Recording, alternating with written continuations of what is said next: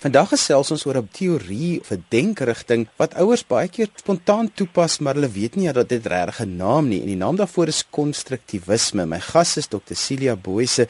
Celia, hoekom moet ons praat oor iets soos konstruktivisme as dit kom by ouers? Goeiemôre Johan en dit is 'n voorreg eintlik om te praat oor 'n teoretiese benadering want um, daar is soveel wat binne in 'n benadering soos wat jy gesê het sit en wat ouers spontaan doen en hulle weet nie eintlik dat hulle besig is met 'n bepaalde benadering nie. Maar ek dink voordat ons met konstruktivisme begin, moet ons dit bietjie terugvat en gaan kyk na 'n ander benadering waarmee baie van ons groot geword het en um, dit is behaviorisme. Ehm um, want dit was 'n hele aspek oor verhouding, stimulus, respons, gedrag elemente en die konsekwensies van gedrag. Baie van ons het eh, 'n uh, warm plaas moontlik gesien en hande op gehad en ehm, 'n um, brand as 'n resultaat gehad en die konsekwensies daar het vir ons gesê jy moet nooit weer jou hand op daai warm plaas hê nie. Baie van ons dink ook aan Pavlov se honde met die kondisionering en al die elemente wat daarmee gepaard gegaan het. Maar ehm um, as ons dink na iets soos behaviorisme, was daar iets wat tog 'n positiewe element was wat baie baie mense nog steeds gebruik en wat ook ehm um, toepaslik is in die konstruktivistiese elemente en dit is versterking uh, aspekte. Nou daar was positiewe versterking en negatiewe versterking soos byvoorbeeld om 'n kompliment te gee of jy weet as oupa vir jou uh, so ekstra sent of 2 in die sak druk omdat jy so goed gevaar het of die voorregte of aanmoediging of so. Maar ehm um, met die negatiewe elemente was dit altyd die straf gepaardgaande elemente wat wat die negatiewe versterking vir ehm um, vir behaviorisme ingehou het. En daar was dit oor gedragsveranderinge. Nou vandag wil ons praat oor konstruktivisme en nou vra mense jouself af maar watter verandering kan daar bewerkstellig word? Nou as mens gaan kyk na veranderinge wat so uit die kognitivisme uh, uh, um, uitgekom het en wat en ek hou in gedagte wat Piaget vir ons as 'n aanduiding gegee het en hy het gesê maar daar moet altyd 'n interkonneksie wees tussen dit wat jy dink en dit wat jy sê en dit wat jy doen. Ehm um, en daar lê die verandering in. Nou praat ons weer oor verandering.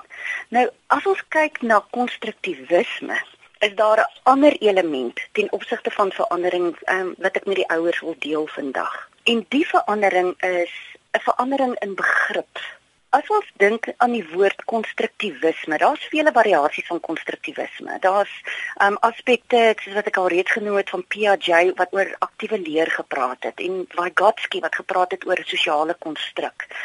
Um ek kan ook verwys na die werk van Brunner wat ontdekkingsleer aspekte um baie baie vooropgestel het. Um en Feuerstein wat gepraat het oor kennis wat jy kan konstrueer Maar alles handel oor konstruksie, bou, bou, bou 'n muur, bou 'n um, begripselemente, bou betekenisgewing. En gee die kind die geleentheid en gun hom die geleentheid eintlik om eie betekenis te kan hê. Um, en waarde te kan hê om begrip te kan toon. Want um, baie keer dan sê jy mens baie baie gou nee dis nie reg nie mens doen dit so maar hierdie konstruktivistiese gedagte is die belang van taal en konteks en geleentheid en om kennis te konstrueer baie baie belangrik. Kom ons maak dit lekker prakties. Kom ons verduidelik vir ouers in eenvoudige taal wat is konstruktivisme? As ons gaan kyk na konstruktivisme en ek het nou reeds vir jou gesê dat daar baie uh, variasies van konstruktiviste uh, is, wil ek vandag praat oor sosiale konstruktivisme. Nou as jy gaan kyk na sosiale konstruktivisme, beteken dit dat jy binne 'n bepaalde konteks aanpasbaar gaan wees vir verandering dat jy begrip kan opbou, dat jy kan um nuwe kennis assimileer en akkommodeer met dit wat jy alreeds het. Dat jy um byvoorbeeld kan kies en kan transformeer en dat jy met inligting kan werk.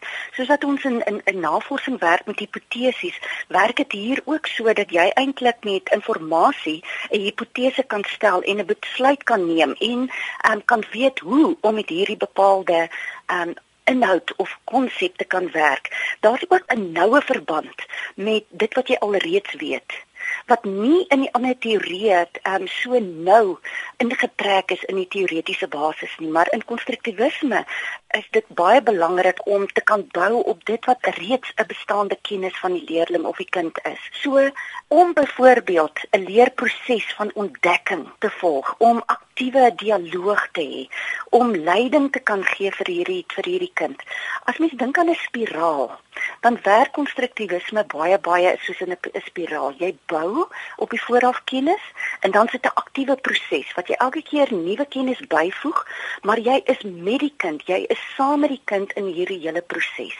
En daar is dit eintlik dat die ouer saam met die kind leer en saam met die kind 'n proses deurvolg en nie net bloot daar is om te sê het jy jou huiswerk gedoen of um, is jy volledig klaar met jou huiswerk nie.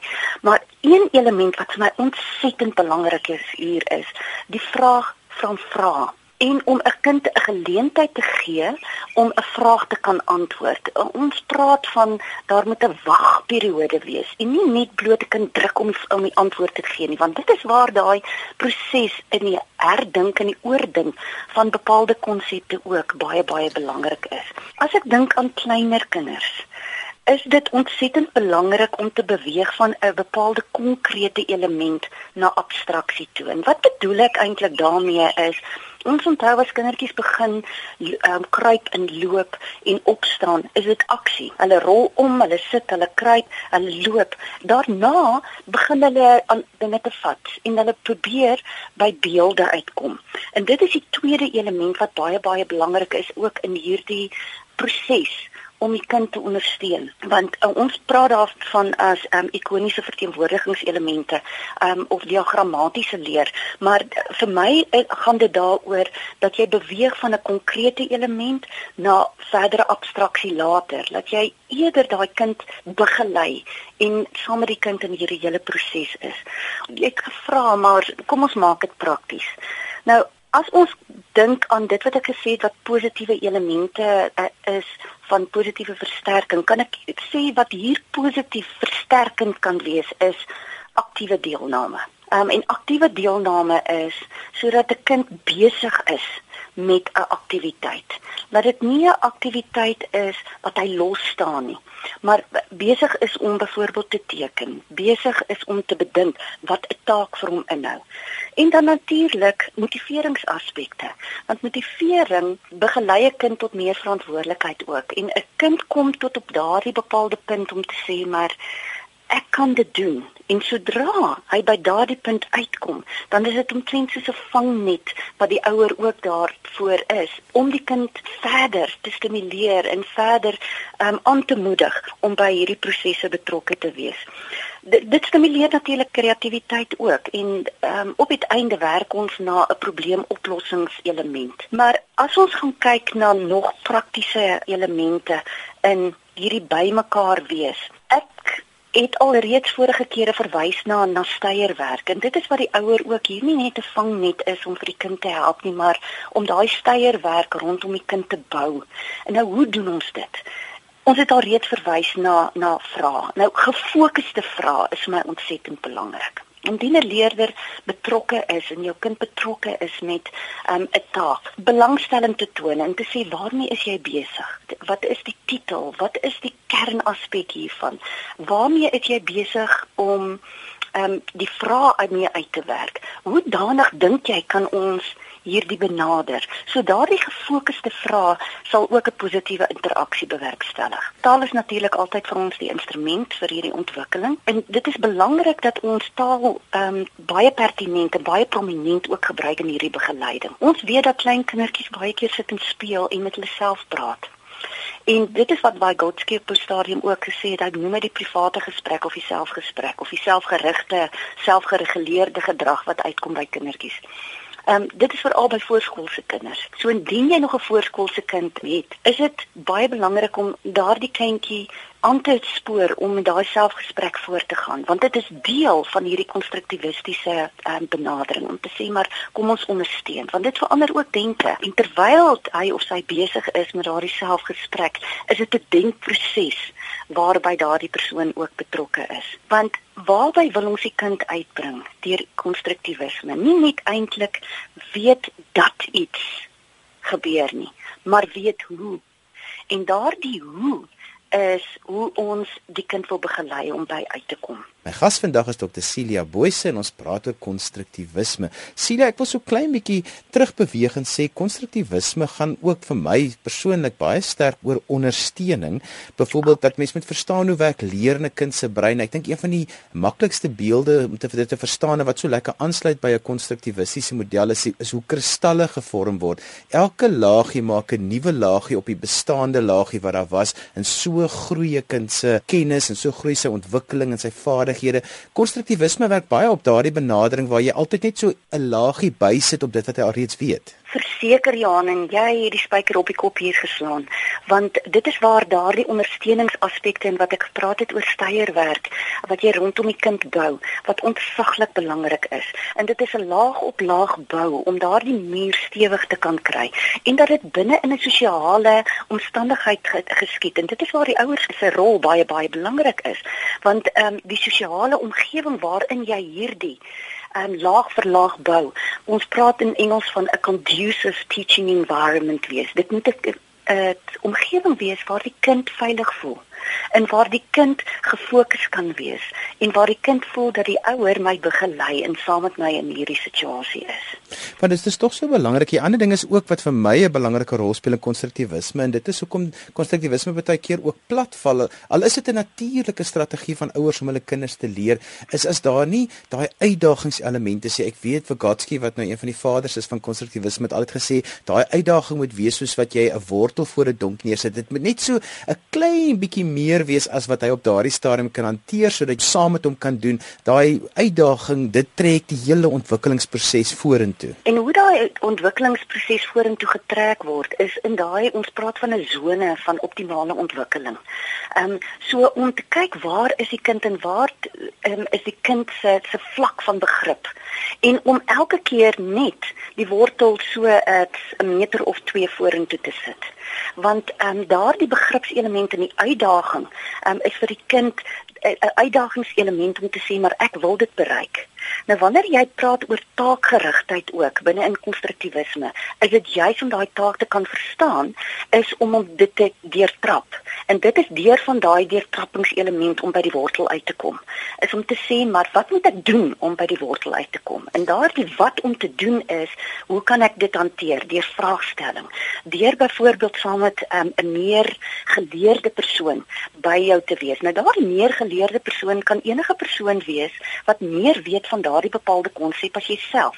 Dit kan ook 'n medeleerder wees. Dit kan 'n boetie of 'n suster wees wat 'n jaar of 2 gelede alreeds met daardie bepaalde konsep gewerk het. Ons het hoeveel keer al gesien in konstruktivisme dat 'n ehm um, baie keer 'n medeleerder is wat baie baie beter begeleiding kan gee as wat die onderwyser kan gee of as 'n ouer kan gee. So al asof daardie ehm um, kind kan inzoom op die vlak van van begrip wat ehm um, die sussie of die boetie reeds het. In die sussie en die boetie kan optel en kan sê, "Mm, maar ek is ook deur hierdie hele proses." So ek weet presies waar die trapplekke is om vorentoe te kan beweeg om by daai wortel uit te kom. 'n Lekker praktiese voorbeeld om vir ouers te verduidelik hoe werk daardie wortel voor die neus vir die uitdaging is. Daar sekerre soorte stories waarvan die teks en die woorde nog te moeilik vir jou kind is om te lees. Dit beteken jy gaan dit of vir jou kind voorlees of jy gaan dit saam met jou kind lees en dan soos wat die kind ontwikkel gaan hy dan later daardie stories weer vir homself lees, maar dan hoef jy nie meer te lees nie want sy ontwikkeling het nou bygekom. Vat jy weer 'n teks wat 'n klein bietjie moeiliker is en so trek jy elke keer dit vorentoe en trek jou kind saam sodat hy goed kan ervaar wat moeiliker is as wat hy op daai stadium self kan hanteer, maar dis waarvoor jy die steierwerk, daai wat die gebou regop hou, jy is daar om dan vir hom bloot te stel en vir hom te sê, maar weet jy, ek gaan hierdie teks lees. Kom ons lees dit saam. Hier is stukkies woorde wat jy al ken, hier is al stukkies teks wat jy ken. Jy kan dit voorspel, maar so trek ons die ontwikkeling vorentoe. En weet jy wat ontsaglik belangrik is in daai trek die ontwikkeling vorentoe is om elke keer bietjie terug te gaan en te gaan kyk en refleksie te hê van wat wat is op hierdie stadium ook gedoen. En met die met die um, kontekste en met die tekste waarmee mense kan werk. En dieselfde is ook met visuele verteenwoordiging byvoorbeeld as jy so vir, uh, op die pad is om na abstraksie toe te kan beweeg. Is om werklik te gaan kyk na wat is die belangstelling van die kind? want baie keer kry jy koneksiepunte met die belangstelling van die kind ook sodat jy tekste ook kan kies waarin die kind belangstel en dit elke keer dan 'n stappie vorentoe neem want belangstelling hou daai motiveringsaspek ook in. Ehm um, ek het al baie keer gesien ook dat 'n leerder belangstel byvoorbeeld in die see en dan gaan hy in diepte in oseanografie en hy gaan in diepte in um, dolfyne en in um, in haie en wat met haie eet en hoe danig haie byvoorbeeld kan optree wanneer hulle ook in 'n gevaarsituasie in 'n gevaarsone is. In daardie elemente wat belangstellend vir die kind as motivering kan dien, is baie baie belangrik in hierdie forum te beweeg en elke keer om 'n stapie hoër te neem. Daai uitdaging wat ook gestel word en sodra 'n kind genoeg selfversekerdheid het om daai uitdaging aan te gryp, is dit um asof 'n aan homself ook begin uitdagings stel. En dit is waar jy elke keer 'n uh, baie makliker die volgende stap kan neem. Daarom is refleksie so belangrik, net soos wat 'n mens moet dink oor elke baksteen wat mens binne 'n gebou neersit en kyk het ek hom mooi neergesit, is hy mooi vasgemessel en dan sit ek die volgende ry, volgende ry. Daar dis waar refleksie so 'n belangrike rol speel in konstruktivisme. Vertel ek 'n bietjie vir ons van refleksie binne breinontwikkeling en hoekom dit so 'n essensiële belangrike aspek is van leer. Refleksie uh, het baie te doen met metakognisie. Nou, as ons gaan kyk na metakognisie elemente, is om bietjie stil te staan en terug te kyk en vir jouself af te vra maar waar is ek en wat kan ek al reeds doen en um, wat is nog vir my moeilik en wa, wat moet ek doen eintlik om by die volgende punt uit te kom? Refleksie is ontsaglik belangrik want dit, dit het ook 'n affektiewe element in hom. Ons praat van kognitiewe en in jou affektiewe domeine. En um, as ons gaan kyk na 'n kognitiewe element er hou refleksie in dat jy 'n oordeel kan kan vel. Dat jy byvoorbeeld kan interpreteer, dat jy kan analiseer, dat jy by 'n punt kan uitkom om te sê dit is die rede waarom ek dit of dat sal doen. So in daai redegewing um, is is refleksie ingebed. Nou as ons gaan kyk na die affektiewe element, het refleksie vir ons 'n rustigheid in hom. En affektiewe elemente hou ook in dat jy byvoorbeeld kan kritiek lewer, maar kritiek wat gestruktureerd is. En dit is dat jy dit na beide kante toe kan trek. Dat jy kan reflekteer op jou eie en dat jy kan reflekteer op ander. En ons gebruik daai refleksie baie baie keer ook wanneer 'n leerder 'n oordeel moet vel oor eie werk wat gelewer is of werk van 'n ander persoon wat gelewer is. En dit gee vir hulle daardie insig om te sê, maar waarom het ek dit op hierdie wyse gedoen? Kan ek dit op 'n ander wyse doen? En daar kom die uitdaging weer in hierdie probleemoplossingsstruktuur en proses van ons. In refleksie staan kern daarin. So breingewys gee dit vir ons 'n aanduiding dat 'n leerder begin om kreatief te kan dink en innoverend te kan dink. En dit is in globale taal en in in globaliserings is dit die aspek waarna gesoek word en dit is kreatiewe en innoverende denke. Um 'n refleksie gee ook vir jou 'n aanduiding dat jy bewus is van waarde en dat jy 'n oordeel kan vel oor dit wat positief is, dit wat negatief is, dit wat aanvaarbaar is. En dit kom weer terug na die sosiale interaksie toe. Dat 'n leerder of 'n kind wat by daai punt uitgekom het om te kan um reflekteer oor sy eie gedrag, oor sy eie optrede, oor sy keuses in die lewe, oor dit wat hy uh, in belang stel, dan is dit ehm um, so al asof daai kind al sê maar ek weet wie ek is en waarheen ek wil beweeg.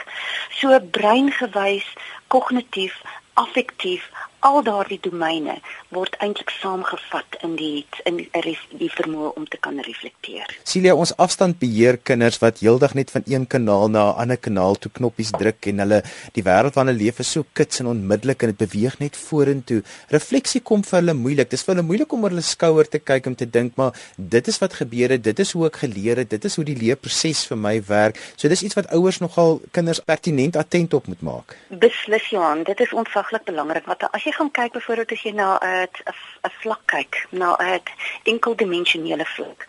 Ehm um, die hele tyd of aanhoudend, dan word jou frontale elemente nie ontwikkel nie. Word daar ehm um, aspekte byvoorbeeld ingebed ook waar jy kan 'n idee vorm waar jy byvoorbeeld fantasieer en waar jy kan reflekteer op, op bepaalde aspekte. En sodra jy net enkeldimensioneel werk en nie driedimensioneel nie en nie met take besig is waar jy deur 'n byvoorbeeld 'n konkrete na 'n beeldende na abstrakte elemente kan beweeg nie, dan inhibeer dit die vermoë om te kan reflekteer beslis.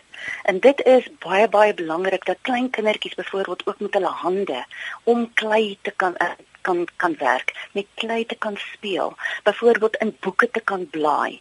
Dis nou byvoorbeeld die Kindle is wonderlik om met 'n Kindle te kan lees. Die aksie om te kan blaai en 'n boek in jou hand te vat en deur bladsye te gaan, gee vir jou ook daai driedimensionele aspek. En snaaks genoeg, al daardie is positiewe elemente wat die vermoë om te kan reflekteer bevorder. Celia, laaste slotgedagte want ons moet alweer groet. As ek gaan kyk na dit waaroor ons vandag gepraat en ons het, ons het gepraat oor kognitiewisme en hoe behaviorisme inkom en ons het uitgekom by die laaste aspek om te praat oor konstruktiewisme en hoe belangrik konstruktiewisme is om aktiewe leer te kan bevorder, om te kan ontdek, om het, om daardie geleentheid te kan hê om self begrip te kan vorm, om 'n mening te kan vorm en te kan reflekteer. Is dit vir my die belangrikste om te sê maar binne in hierdie ehm um, konstruktivisme lê dan ook die motivering om vorentoe te kan beweeg en 'n uitdaging te kan aanvaar en te kan droom. En uh, as mens 'n droom eintlik werklik uitgespreek het, dan word dit ook vir jou waar en dit is waarna jy kan uitsien en te kan doen. En dit is waarmee 'n kind ook kan werk, nie net bloot met sy met sy take by die skool en waarmee ouers hom kan help nie, maar met die alledaagse lewe om 'n lewensingesteldheid te kan hê van van positiwiteit en van konstruktivistiese elemente om te kan bou en om daardie laag op laag te bou van begrip sodat jy ook daardie begrip weer te kan verwoord en met ander mense te kan deel. En dit is op daardie punt dat um, 'n leerder en 'n kind as individu eintlik nie net aan um, kennis oordrag hanteer nie, maar deur konstruktivisme word hierdie leer eintlik gekoester. En dit is waarna ons eintlik streef is die koestering van leer sodat dit werklik 'n persoon se eie kan word en daardie begripsvermoë sy eie kan word en nie net bloot aan hom oorgedra word nie. Dis aan alwaar vir ons tyd het vandag. My gas was Dr. Celia Boyse. Onthou jy kan weer na Groeipyne luister as 'n potgooi laai dit af by rsg.co.za. Tik maar net Groeipyne in by die soekopsie en al ons vorige programme sal daar gratis beskikbaar wees om af te laai en jy kan weer daarna luister. Ons gaste se kontakbesonderhede verskyn op ons Facebook bladsy of jy kan vir my 'n e e-pos stuur dan sal ek dit vir jou aanstuur. My e-posadres is groeipyne@rsg.co.za. Ek groet namens ons programregisseur Liselde Brein tot 'n volgende keer van my Johan van Lille. Totsiens.